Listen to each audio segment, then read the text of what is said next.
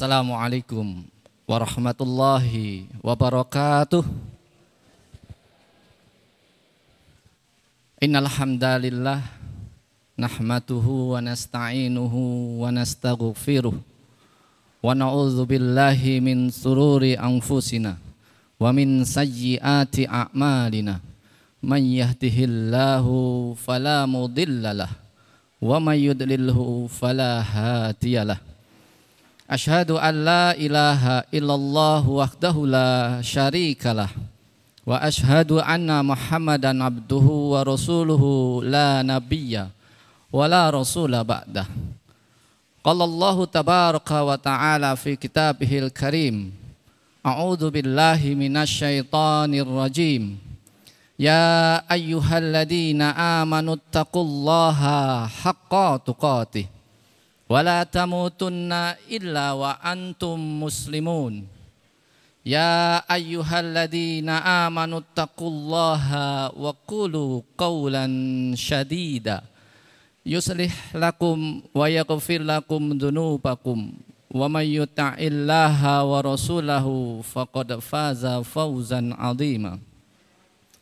يا أيها الناس اتقوا ربكم الذي خلقكم من نفس واحدة وخلق منها زوجها وبث منهما رجالا كثيرا ونساء واتقوا الله الذي تساءلون به والأرحام إن الله كان عليكم رقيبا وقال رسول الله صلى الله عليه وسلم Man yuridillahu bihi khairan yufaqihu fid din. Wa qala aidan man salaka tariqan yaltamisu fihi ilman sahalallahu lahu bihi tariqan ilal jannah. Allahumma salli ala Muhammad wa ala alihi wa sahbihi wa barik wa salam. Ikhwanu fiddin wa akhwatu fillah rahimani wa rahimakumullah. Alhamdulillah. Puji dan syukur mari saya mengajak kepada pribadi dan kepada hadirin semuanya untuk senantiasa memanjatkan kesyukuran kita atas segala limpahan nikmat dan karunia dari Allah taala. Kembali sore hari ini Allah perjumpakan kita yang semoga perjumpaan kita ini di sebuah tempat di mana taman-taman surga Allah tabaraka wa taala yang ada di muka bumi ini Allah hadirkan. Majelis ilmu adalah majelis di mana tempat bermajelis bagaimana taman surga dikatakan oleh Rasulullah. Semoga dengan rasa syukur karena adanya kesehatan dan kesempatan yang Allah berikan, lebih-lebih kesehatan, dan kesempatan yang menjadi bagian dari nikmat Allah kita hadirkan ketaatan kepada Allahu Jalla Jalala dengan menghadiri majelis ilmu. Mudah-mudahan ini tanda bahwa Allah akan memberikan keberkahan untuk kita semua. Barokah dalam makna senantiasa menambah kebaikan demi kebaikan di dalam kehidupan kita. Wabil khusus bertambah baiknya ketaatan kita kepada Allah wa Rasulullah insya Allah. Selawat dan salam semoga terlimpah curahkan kepada kutwah hasanah kita, tauladan yang sempurna di dalam setiap etapa kehidupannya, di setiap apa pun yang beliau jalani menjadi kutwah hasanah, menjadi tauladan yang baik untuk kita semua. Maka sholawat dan salam semoga terlimpah curahkan untuk beliau. Keluarga-keluarga beliau, para sahabat-sahabat beliau yang setia, hingga umatnya termasuk kita di antaranya hingga akhir zaman nanti yang senantiasa istiqomah, yang senantiasa beribadah sebagaimana beliau memberikan contoh dalam ibadah, baik ibadah mahdoh kepada Allah Subhanahu wa taala maupun ibadah dalam muamalah sesama kita. Semoga dengan itu mengantarkan kita kelak mendapatkan syafaatnya di yaumul akhir nanti. Allahumma amin. Ikhwanu fiddin wa akhwatu fillah rahimani wa rahimakumullah. Alhamdulillah sore hari ini saya yang mendapatkan kesempatan dari Allah Subhanahu wa taala lewat teman-teman di Yayasan Subulu Salam Nusantara dan Rumah Quran Zabisa untuk bersama-sama panjenengan bersama-sama di sini belajar, sama-sama kita sharing. Uh, mudah-mudahan dari sharing, mudah-mudahan dari belajar bersama kita, Allah titipkan kepada kita semua ilmu yang manfaat, ilman nafi'an insya Allah. Saya diberikan oleh Allah ilmu, panjenengan diberikan oleh Allah ilmu dari majelis ini insya Allah. Maka Mari kita sama-sama berusaha menundukkan hati kita mengharap keridhaan dari Allah Subhanahu wa taala agar kita yang fakir ilmu ini diberikan oleh Allah ilham, diberikan oleh Allah hikmah untuk mendapatkan ilmu-ilmu yang manfaat insyaallah. Ikhwanu fiddin wa akhwatu fillah rahimani wa rahimakumullah. Tema pada sore hari ini menjadi hidup bersama Al-Quran. Hidup bersama Al-Quran itu Masya Allah. Ya. Karena Al-Quran sendiri diajarkan oleh Allah kepada Rasulnya hingga sampai kepada telinga kita, hingga sampai kepada mata kita melihat ayat-ayatnya dan kita tahu di dalam sirahnya bahwa Allah Subhanahu wa taala memuliakan siapa pun yang hidup bersama Al-Quran. Allah memberkahi tempat di mana disenandungkan, diturunkan Al-Quran kepadanya. Kita sama-sama tahu bahwa Al-Quran itu diturunkan di dua tempat yaitu bumi Makkah dan Madinah. Dan Masya Allah hari ini kita sama-sama mendapati sebuah keberkahan yang luar biasa di dua tempat ini Masya Allah ya. Tempat yang dulunya tidak ada kehidupan di dalamnya. Bahkan di dalam ayat Allah menceritakan ketika itu Nabiullah Ibrahim alaihissalam ketika disampaikan di lembah Bakkah yaitu bumi Mekah itu tidak ada kehidupan, tidak ada rumput yang tumbuh di situ, ya. tidak ada air yang mengalir di dalamnya. Tapi masya Allah, ketika saya dan panjenengan yang hari ini mungkin sudah diberikan oleh Allah nikmat sampai ke Baitullah, sampai ke kota Makkah, luar biasa. Kehidupan di sana luar biasa. Ya. Semuanya ada. Heran kita kalau melihat fenomena hari ini ketika kita memflashback masa lalunya. Masya Allah, yang tidak ada kehidupan. Hari ini 24 jam nonstop orang tawaf. Hari ini 24 jam nonstop begitu bergeliatnya bumi Mekah dan Madinah. Masya Allah. Dan ternyata saya pernah membaca di dalam sebuah apa namanya eh, apa itu ya kayak koran itu media ya media internasional mengatakan bahwa tanah termahal hari itu ketika saya membaca itu adalah tanah yang ada di kota Mekah dan kota Madinah di seluruh dunia di belahan mana pun tidak ada yang mahalnya tempat itu melebihi mahalnya bumi Mekah dan Madinah, masya Allah.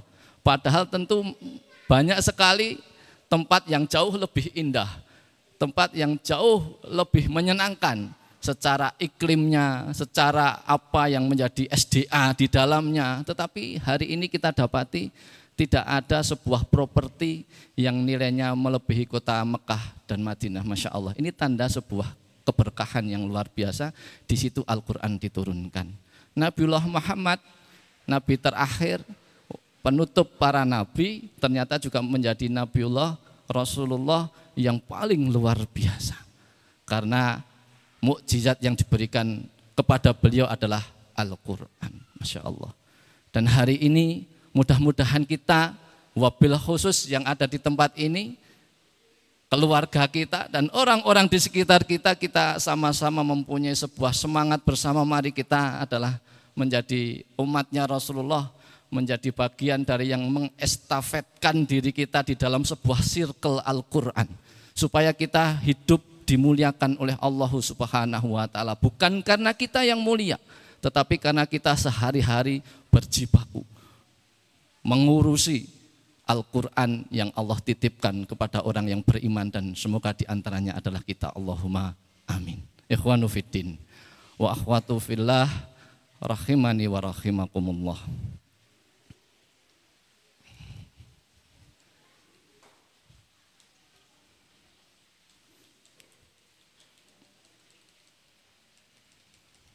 Gak bisa. Next Mas Arfani. Ini pointernya agak ngaco. Hmm. Ini ayat pertama yang saya coba untuk sharingkan bersama-sama kita belajar. A'udzubillahi minasyaitonirrajim. Innalladzina yatsluna kitaballah wa aqamus shalah wa anfaqu mimma razaqnahum sirra wa alaniyah yarjuna tijaratal lan taburon. Ayat ini adalah ayat yang menjadi awal konsep ya bisa rumah Quran Zaid bin Sabit ini berdiri. Maka hidup ini adalah hidup di mana kita belajar sebuah konsep kehidupan lalu benar-benar bagaimana kita berjuang bisa mengimplementasikan konsep itu. Ya. Kalau kemarin kita sama-sama mendapatkan ilmu dari Ustadz Wahono dari Kabupaten Magelang, membagi keluarga itu menjadi tiga macam. Yang pertama itu keluarga kayak dianalogikan keluarga kayak ayam gitu kan. Yang mana pasangan suami istri itu yang tanggung jawab hanya istrinya saja yang laki-laki itu begitu hajatnya selesai tinggal begitu kan. Nah, jangan sampai kayak gitu kata Ustadz Wahono. Yang kedua lebih parah dari ayam, keluarga apa? Bebek. Wah, ini laki-laki maupun sing perempuan sama-sama nggak punya rasa tanggung jawab. Habis bertelur tinggal semuanya. Ya, yang apa jantan pergi, yang betina juga pergi. Wah silahkan endok bebek ini mau jadi apa tergantung nanti yang nemu siapa kan begitu. Yang ketemu bakul martabak maka akan jadi martabak gitu. Itu yang ketiga kemarin menyampaikan bahwa beliau memberikan analog kehidupan yang lebih baik di antara kehidupan binatang. Tapi ini standarnya standar binatang ya, bukan standar manusia. Standar binatang yaitu hidup sebagaimana kehidupan sepasang merpati yang mana laki-laki atau jantannya dengan perempuannya atau betinanya ini sama-sama tanggung jawab. Ketika telur itu muncul Allah hadirkan wallahu alam dua atau tiga tapi yang jantan dan yang betina sama-sama bertanggung jawab, mengerami bersama-sama, memberikan sesuap demi sesuap makanan kepada anaknya ketika nanti menetas juga bersama sama itu yang diharapkan. Begitu kemarin Ustadz Wahono. Maka hari ini sebenarnya jadwalnya Ustadz Ahmad Riyad ya tapi qadarullah beliau punya halangan, ada sebuah hal yang tidak bisa ditinggalkan oleh beliau sehingga tidak bisa hadir di majelis ini. Kemarin saya diminta oleh Habibana Yasir Arafat untuk menggantikan Ustadz Ahmad Riyad. Qadarullah, kemarin saya pagi-pagi sakit, tengengen gitu kan. Sampai tadi malam itu tidak bisa mengu kan gitu. Wah, iki arek njaluk ganti meneh sapa?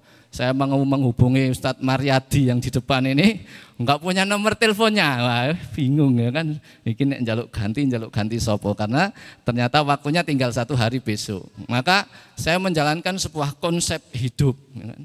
Sebagaimana tadi kita bicara bahwa ayat Allah di dalam Al-Quran itu adalah konsep lalu hadis-hadis Rasulullah itu adalah bagaimana cara mengaplikasikan konsep maka hari ini andai kata kita belajar tentang tiga tipe keluarga, hari ini kita akan belajar tiga tipe manusia, tapi poinnya bukan tiga tipenya. Saya ingin membahas kalau itu manusia dianggap e, analognya sebagai tipe, maka saya akan membahas sebuah tipe manusia.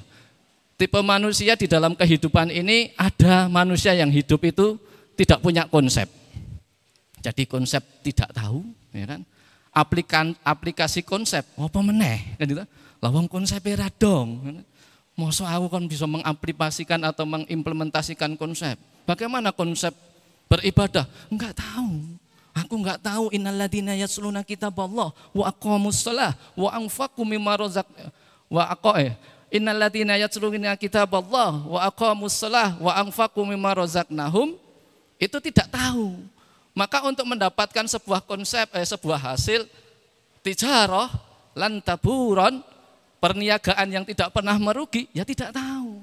Padahal kondimennya atau syaratnya atau konsepnya itu menjalankan tiga hal. Tiga hal itu apa?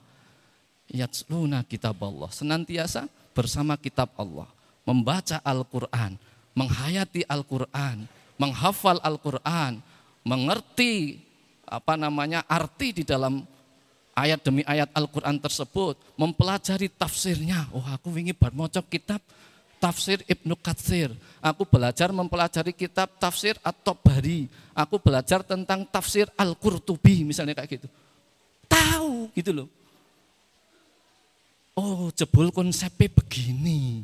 Oh, begitu diaplikasikan dalam kehidupan nyata, ternyata janji Allah tijarotan lantaburon. Kehidupan yang di mana perniagaan bersama Allah ini dijamin tidak pernah rugi. Tapi ternyata kita sudah tidak tahu konsepnya, apalagi cara menjalankannya. Itu manusia model yang pertama. Manusia model yang kedua, sudah tahu mempelajari konsepnya tetapi dalam sehari-harinya tidak praktek, tidak terrealisasikan konsep yang sudah ia fahami, sudah tahu. Yatsluna kitab Allah wa aqamus shalah wa anfaqu mimma razaqnahum sirra wa alaniyah. Tapi tiga-tiganya juga dicuekin aja. Lalu ngomong, gimana Ustadz saya ini kok ruga-rugi mawon bisnisnya. Nah, lalu tanya gimana Ustadz caranya sukses. Nah, ya kan? Padahal tahu, ya kan? Itu tidak terrealisasikan di dalam konsep, tapi ya, tidak terrealisasikan dalam kehidupan nyata, tapi pengennya hasilnya koyok wong sing iso mengaplikasikan konsep. Ini kan lucu. Ya kan? Katanya pengen sukses, katanya bisnisnya pengen untung dan terus berkembang. Tapi bagaimana komitmennya terhadap konsep karena hidup ini sebenarnya adalah bagaimana kita memahami konsep lalu bisa mengimplementasikan konsep. Hadirnya Zabisa ini awal mendapatkan tanah maka dibuat konsepnya. Maka dibuat site plan-nya sebelum nanti bangunan-bangunan itu berdiri. Konsepnya bagaimana? Set plan-nya ada titik-titik bangunan yang fungsionalnya untuk apa? Lalu bagaimana membuat tahapan demi tahapan kerjanya? Ini masih di wilayah konsep ya kan? Untuk menghadirkan sebuah konsep, lakukan riset, lakukan sebuah penelitian, ya kan? Bagaimana ya biar bisa membuat konsep itu bagus? Lakukan penelitian demi penelitian, lakukan tanya demi tanya kepada orang yang tahu, misalnya kayak gitu, ya kan? Sampai akhirnya benar-benar paham konsep ini guys, gitu kan? Konsepnya begini Pak Tukang, konsepnya begini Mas Bro. Ya kan? Lalu ayo kita mulai one by one step by step untuk menjalankan konsep itu. Itulah pekerjaan kita di kehidupan dunia ini. Yuk, mari bersama-sama menjadi orang yang tipe tiga, yaitu berjuang dan berusaha untuk mempelajari konsep kehidupan, lalu perjuangan tidak selesai sampai di situ. Bagaimana kita mengaktifasi konsep demi konsep itu dalam keseharian kita. Kalau Al-Quran itu adalah konsep, maka hadis Rasulullah itu adalah aplikasi konsep.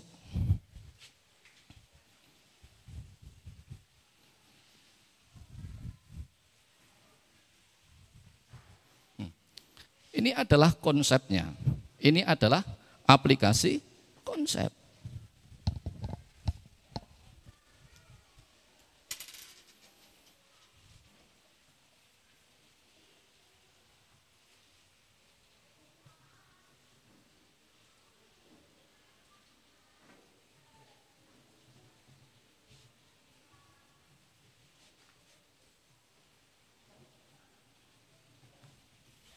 Al-Quran itu adalah konsep hidup. Maka butuh cara mengaplikasinya. Allah memerintahkan kepada kita bersuci. Lalu hadis Rasulullah menjelaskan bagaimana tata cara bersuci atau tohar. Al-Quran menjelaskan tentang perintah sholat. Akimis sholah liduluki syam ila ghosakil lail wa Qur'an al-fajr. Itulah konsepnya. Lalu hadis Rasulullah menjelaskan, ada sholat subuh, ada sholat duhur, ada sholat asar, ada sholat isya, maghrib dan isya. Tata caranya seperti ini, jumlah rokaatnya begini, itu aplikasi dari sebuah konsep. Jangan sampai kita gagal memahami konsep, Lalu ketika memahami konsep jangan sampai kita juga gagal yang berikutnya yaitu mengaplikasikan sebuah konsep. Maka rumah Quran Zabisa ini adalah aplikasi dan implementasi dari sebuah ayat salah satunya adalah yang sudah saya satir di dalam PowerPoint. Innalladzina yatsluna kitaballah wa aqamus shalah wa anfaqu mimma razaqnahum wa alaniyah. Itulah konsep dari awal muasal berdirinya rumah Quran. Lalu bagaimana mengaplikasikan supaya kita bisa yatsluna kitab Allah? Nek dewean itu peluang iman yajidu yang kusnya itu sangat tinggi. Tapi ketika membuat sebuah bi'ah atau lingkungan yang akhirnya menjadi ya, antivirus ketika kita nanti dalam posisi apa imannya menurun, nah, ini adalah sebuah cara agar yatsluna kita boloh itu benar-benar bisa kita tegakkan. Aku nek orang ngaji esuk habis ditunggu karo bocah-bocah. Ayah ora teko-teko ta iki. Sudah menjelang subuh. Ya enggak? Maka ketika saya masih ingin terlelap, saya harus bangun, bergegas, karena saya sudah ditunggu santri. Ini cara mengaplikasikan. Saya paham kalau saya ini nanti akan berpotensi mengalami penurunan iman dan sebagainya. Tapi dengan santri yang ada di depan saya, ya kan, yang ada di sebuah circle kehidupan rumah tangga saya, maka ini menjadi cara saya untuk tetap yatsluna kitab Allah. Arek sulate melitra-melitre, resiko. Wah, ada santri-santri ini. Ya kan? Sekalipun sholat ibadah baca Quran dan sebagainya, yakin kita sama-sama faham bahwa ibadah itu untuk Allah, bukan untuk para santri, bukan untuk pemirsa, gitu kan. Tapi ada sebuah cara supaya kita dijaga oleh Allah di dalam keadaan yang lebih stabil. Ini hanya strategi kita saja. Ya kan? Strategi supaya hidup kita stabil dalam keimanan, dalam ketakwaan kepada Allah Jalla Jalala. Ini adalah cara kita merealisasikan konsep Rumah Quran Jabisa ini adalah manifestasi dan implementasi dari yatsluna kitab Allah. Wa aqamus salah. Jangan sampai kita menjadi orang yang gampang oleng dengan kehidupan ini karena antivirus kita lemah. Sama-sama jenengan dan saya yang faham dunia komputer hari ini namanya virus selalu berkembang. Maka antivirusnya layak enggak kalau antivirusnya itu diam tanpa mengalami perkembangan. Virusnya canggih, antivirusnya katrok, antivirusnya lemah. Ya komputer kita akan hang-heng, hang-heng kena virus. Karena antivirusnya lemah. Maka inilah salah satu contoh implementasi konsep. Saya ingin menyampaikan ini agak serius kepada panjenengan supaya kita tidak gagal faham karena konsekuensinya berat. Seseorang yang misalnya kayak saya ini mendakwahkan agama Allah, yatluna kitab Allah wa aqamus salah wa anfaqu mimma razaqnahum sirra wa alaniyah kayak gitu. Lalu saya adalah orang yang tidak mengimplementasikan dalam kehidupan saya apakah itu yang pertama, apakah itu yang kedua, apakah itu yang ketiga tadi, maka Allah mengancam kaburomaktan indallah Aku murka kepada orang yang ngomong, yang menyampaikan, yang ngerti konsep, tapi orang lakoni. Itu. Maka saya pernah berada di dalam sebuah kenikmatan yang luar biasa yang Allah berikan walaupun hari ini sudah mulai memudar. Hari ini baru mau tak minta lagi di hadapan Allah Subhanahu wa taala. Di mana saya pernah satu hari kehilangan waktu untuk tahajud, saya marah dengan diri saya sendiri. Untuk mengimplementasikan ayat Allah ini tadi. Kondimen yang kedua adalah aqamus sholat. Dan sholat yang, sholat yang bagus itu adalah yang sempurna fardunya. Yang senantiasa ditambah dengan sunnahnya. Itu kan? Maka di antara sunnah yang setara dengan wajib itu adalah sholat tahajud, qiyamul lail. Maka saya pernah mempunyai sebuah komitmen kepada diri saya, walaupun kembali lagi hari ini saya rodo melitri dalam masalah ini. Ya kan? Tak minta sama Allah, semoga Allah nikmatkan lagi. Satu hari kehilangan waktu dan momentum untuk bermunajat kepada Allah di sepertiga malam terakhir, maka kita menjadi orang yang sangat gelo. Ya Allah, kok kerinan, wis andan, gitu kan? Nah, apalagi orang yang tidak ada di lingkungan. Saya pernah tanya beberapa kali dengan anak-anak ya bisa yang sudah di luar ya bisa. Oh, sholat subuh itu bisa di awal duha. Ya kan? Bukan di awal fajar, tapi di awal duha, bukan di awal waktu subuh. Ya ya aku susah ya sekarang ya untuk sholat tepat waktu gimana? Lah bangun kadang-kadang jam 6, kadang lah nggak ada yang bangunin. Nah, orang tua juga sama tidur amblek. Itu.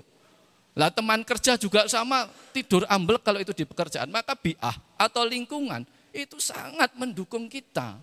Maka rumah Quran Zabisa itu adalah cara saya agar saya bisa akomus salah. Gitu kan? Padahal janji Allah misalnya hanya dari salah satu konsep Allah dengan sholat tahajud. Wa minal laili fatahajat bihi nafilatalak asa ayab asa rabbuka maqamam mahmudan. Siapa yang akan dijanjikan oleh Allah maqamam mahmudan, derajat yang tinggi di sisi Allah, orang yang bisa mengalokasikan waktunya di waktu-waktu sepertiga malam untuk bertahajud kepada Allah Subhanahu wa taala. Masya Allah. Lah kita ternyata ya ahli tahajud ya, kita ternyata ya ahli maca Quran ya, kita ternyata yo ya nek sudah ada uang di dalam dompet kita itu jangan angete ora ilang-ilang, wegah metu. Wa angfaku mimma razaqnahum sirra wa alaniyahnya tidak jalan. Wah, tok ndene onone kiye je kan. Maneman sesuk-esuk gawe butuhan. Nah, maka wa angfakunya, infaknya juga sedikit. Kita tidak melakukan sebuah formula kehidupan, konsep kehidupan yang Allah ajarkan untuk menjadi pribadi yang tijarohnya lantaburon, tapi kita mempunyai angan-angan, berharap dengan luar biasa akan indah pada waktunya. Gitu kata sosmed hari ini. Semua akan indah pada waktunya, padahal tidak menjalankan apa yang menjadi konsep kehidupan. Tidak terrealisasi di dalam hari-hari kita tapi kita mengharapkan hasilnya berjumpa dengan kita. Nah ini yang harus kita sama-sama muhasabah. Yuk kita sama-sama muhasabah. Mari kita sama-sama belajar agar kita bisa menjadi hamba-hamba Allah yang terpilih untuk bisa memahami konsep hidup di mana Allah berikan konsep demi konsep hidup itu ada di dalam Al-Qur'anul Karim. Lalu bagaimana kita belajar menjadi orang yang one by one, step by step untuk hidup itu hanya untuk mempraktekkan satu ayat demi satu ayat. Hidup ini hanya untuk mempraktekkan satu hadis demi hadis Rasulullah. Masya Allah. Kamu capek untuk apa tuh bu hidupnya? Mempraktekkan satu ayat demi satu ayat. Menjelma di dalam kehidupan rumah tangga kami. Masya Allah. Mas kamu itu hidupnya berjuang untuk apa? Saya ini berjuang untuk bagaimana hari-hari saya itu mempraktekkan satu hadis demi satu hadis Rasulullah. Masya Allah keren, gitu kan? Memahami konsep bisa mengimplementasikan konsep di dalam kehidupan dunia ini. Next, Mas Arfani.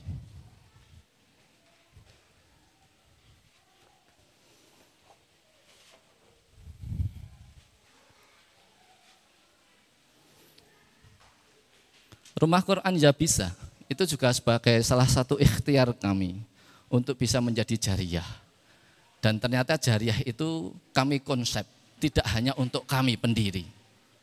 Saya bersama beberapa saudara dan teman-teman saya. Tetapi kami konsep untuk bisa menjadi jariah semua mukminin wal mukminat, muhsinin wal muslim wal muhsinat, nah, kayak gitu ya. Maka konsepnya bahwa kita sama-sama bahwa ketika seseorang anak Adam, Bani Adam itu meninggal, akan terputuslah amal. Ilamin salas, kecuali tiga perkara. Ya kan? Sama-sama kita ketahui bahwa yang menjadi konsep Allah ketika amal seseorang itu tidak mau terputus hatta dianya sudah meninggal, maka yang pertama adalah sodakotin jariyah. Yang pertama adalah sedekah jariyah. Yang kedua, au ilman yang tafa'ubi. Yang ketiga, awaladin solihun yat'ullah. Ini konsep yang dijelaskan kepada kita. Lalu Iza bisa. Ini salah satu cara mengimplementasikan konsep. Lalu mengajak panjenengan-panjenengan semua, yuk mari ibu-ibu, mari bapak-bapak bersama-sama kita mempunyai sebuah ikhtiar agar apa? Agar hidup kita benar-benar memiliki amal soleh yang banyak. Mempunyai kesempatan untuk mendapatkan jariah pahala sampai tidak tahu batasan waktunya. Ya. Karena kita ternyata mempunyai sebuah sodakoh-sodakoh yang kita berikan kepada para penghafal Al-Quran. Kita mempunyai sodakoh-sodakoh kepada para yatim du'afa. Masya Allah. Ya kan? Ternyata kita mempunyai ilmu yang manfaat. Alhamdulillah kita semangat untuk telabul ilmi lalu menyampaikan balighu ani walau ayah. Sampaikan itu hal walaupun hanya satu ayat demi satu ayat. Sampaikan kepada tetangga, sampaikan kepada saudara, sampaikan kepada adik, sampaikan kepada kakak. Maka ini akan menjadi perkara yang akan abadi di dalam kebaikan. Selanjutnya ternyata kita mempunyai sebuah cara untuk mengaktifasi anak-anak solih hadir di tengah kita. Waladun solihun itu tidak harus anak nasab.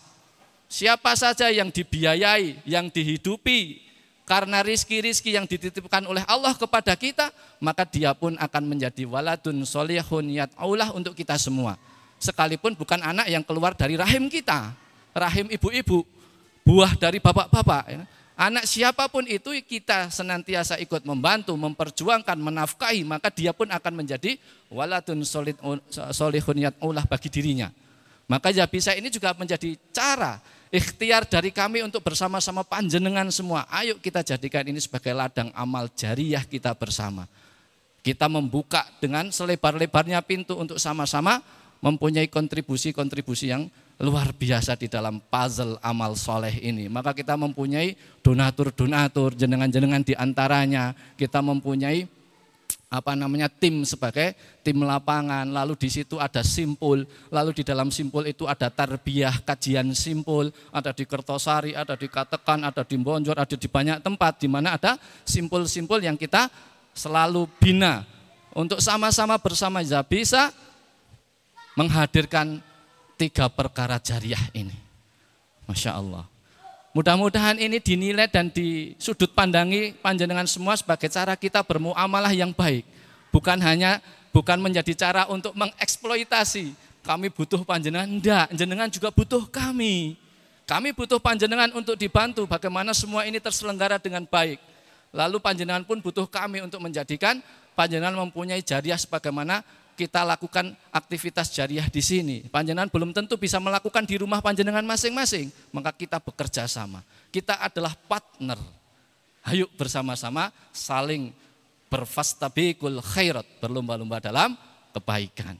Ini adalah konsep yang saya coba aplikasikan bersama-sama panjenengan supaya kita sama-sama faham gitu ya. Eh, oh ternyata ya bisa itu konsepnya ngono. Yes, right itu benar ya. Jadi kami hanya mengajak. Terajak atau tidak terajak itu bukan wilayah kami lagi. Monggo panjenengan bisa terajak ataupun boleh menolak kan seperti itu. Selanjutnya next Mas. Oh ya, siap. Lalu kita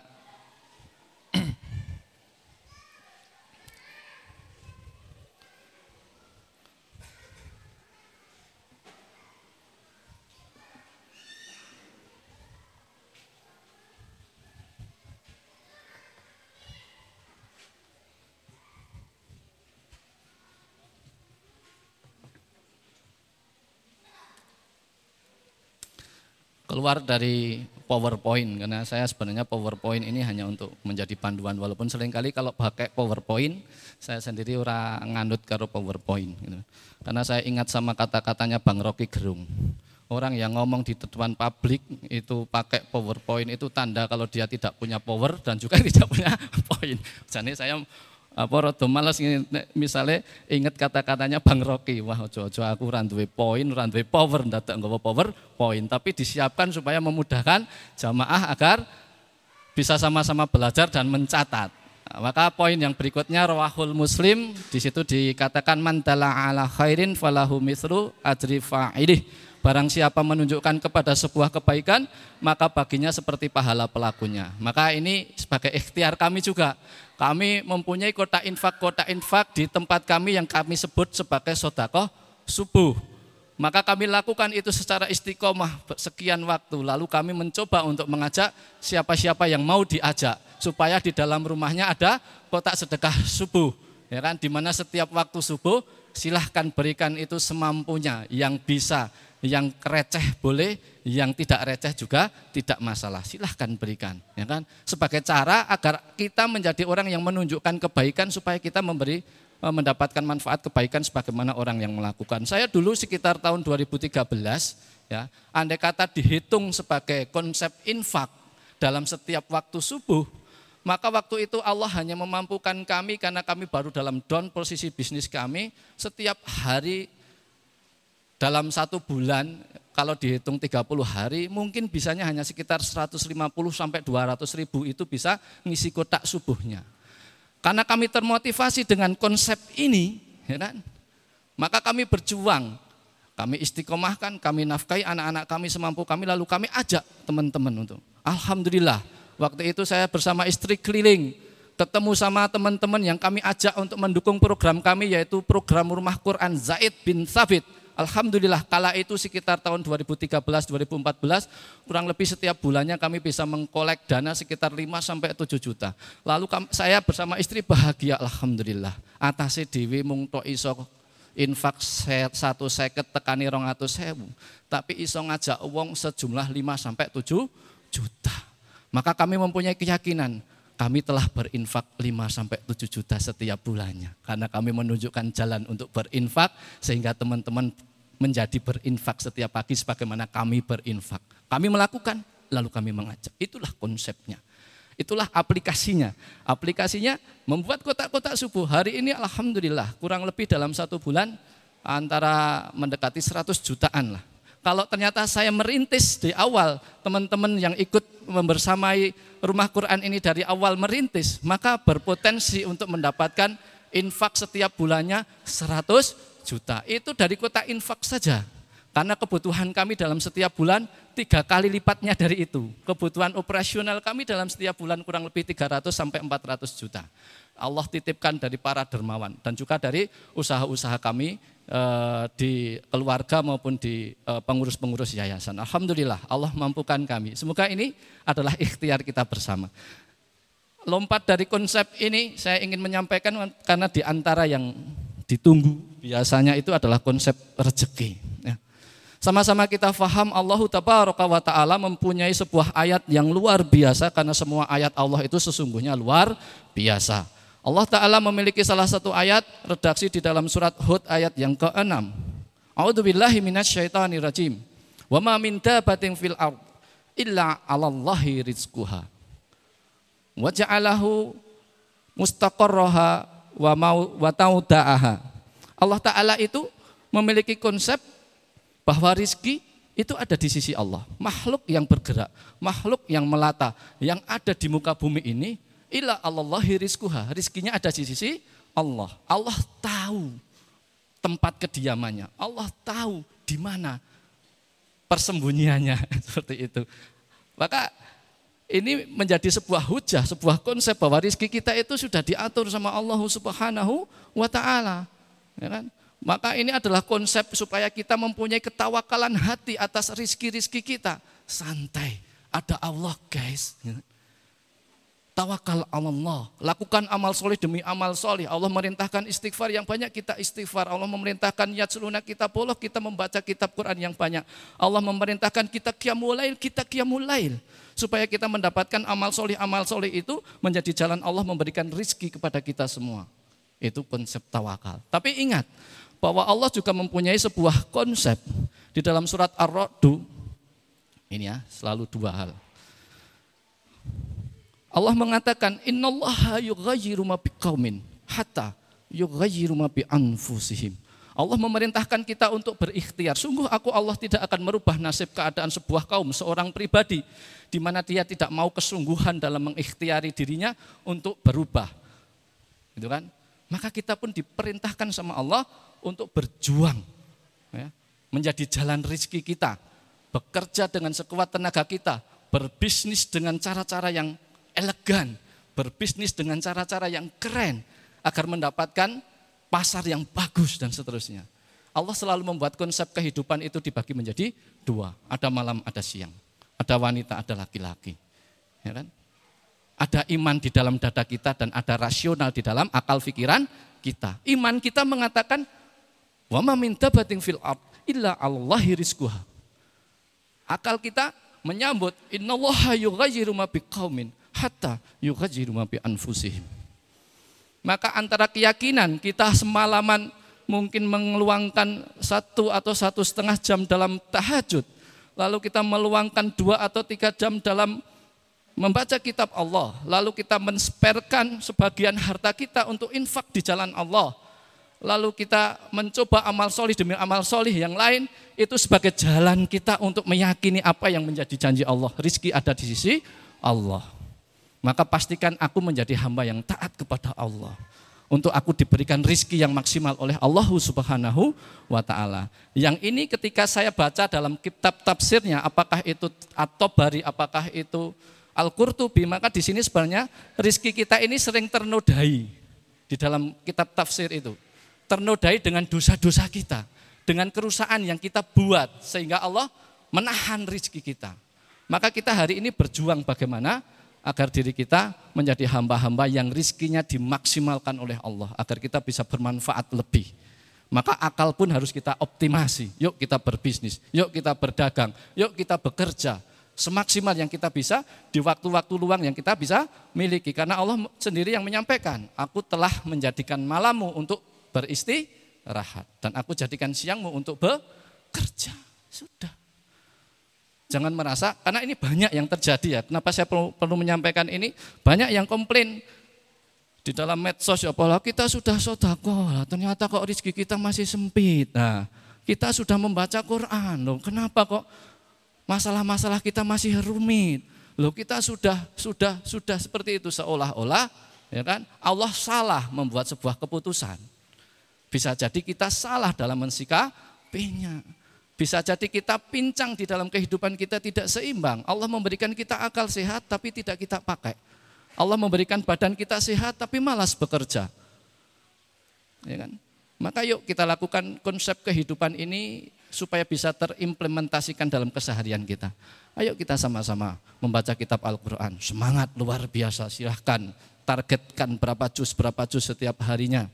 Tapi ingat kita yang masih dikasih kesempatan sama Allah buka warung, bukalah warungnya dengan tentu mengucapkan basmalah dengan tentu mentreatmentnya dengan warung ala spiritual warung bisa gitu kan? Diawali membuka warungnya dengan sholat duha diawali dengan sotakoh pagi diawali dengan ini dan itu yang itu adalah buah keimanan kita kepada Allah subhanahu wa ta'ala.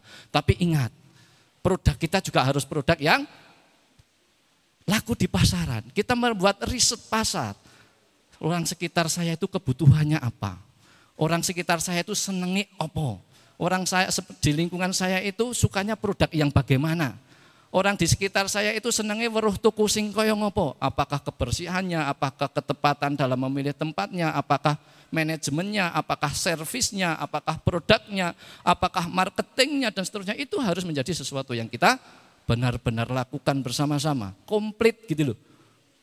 Ya, Yuk sama-sama kita aktivasi. Jangan sampai kita menyalahkan Allah yang seolah-olah Allah yang salah karena kita mengaplikasikan sebuah konsep. Beberapa waktu yang lalu saya disampaikan oleh seseorang sahabat, Ustadz ini bagaimana perumahan saya kok enggak laku. Ketika saya lihat perumahannya tidak diurus, ya kan?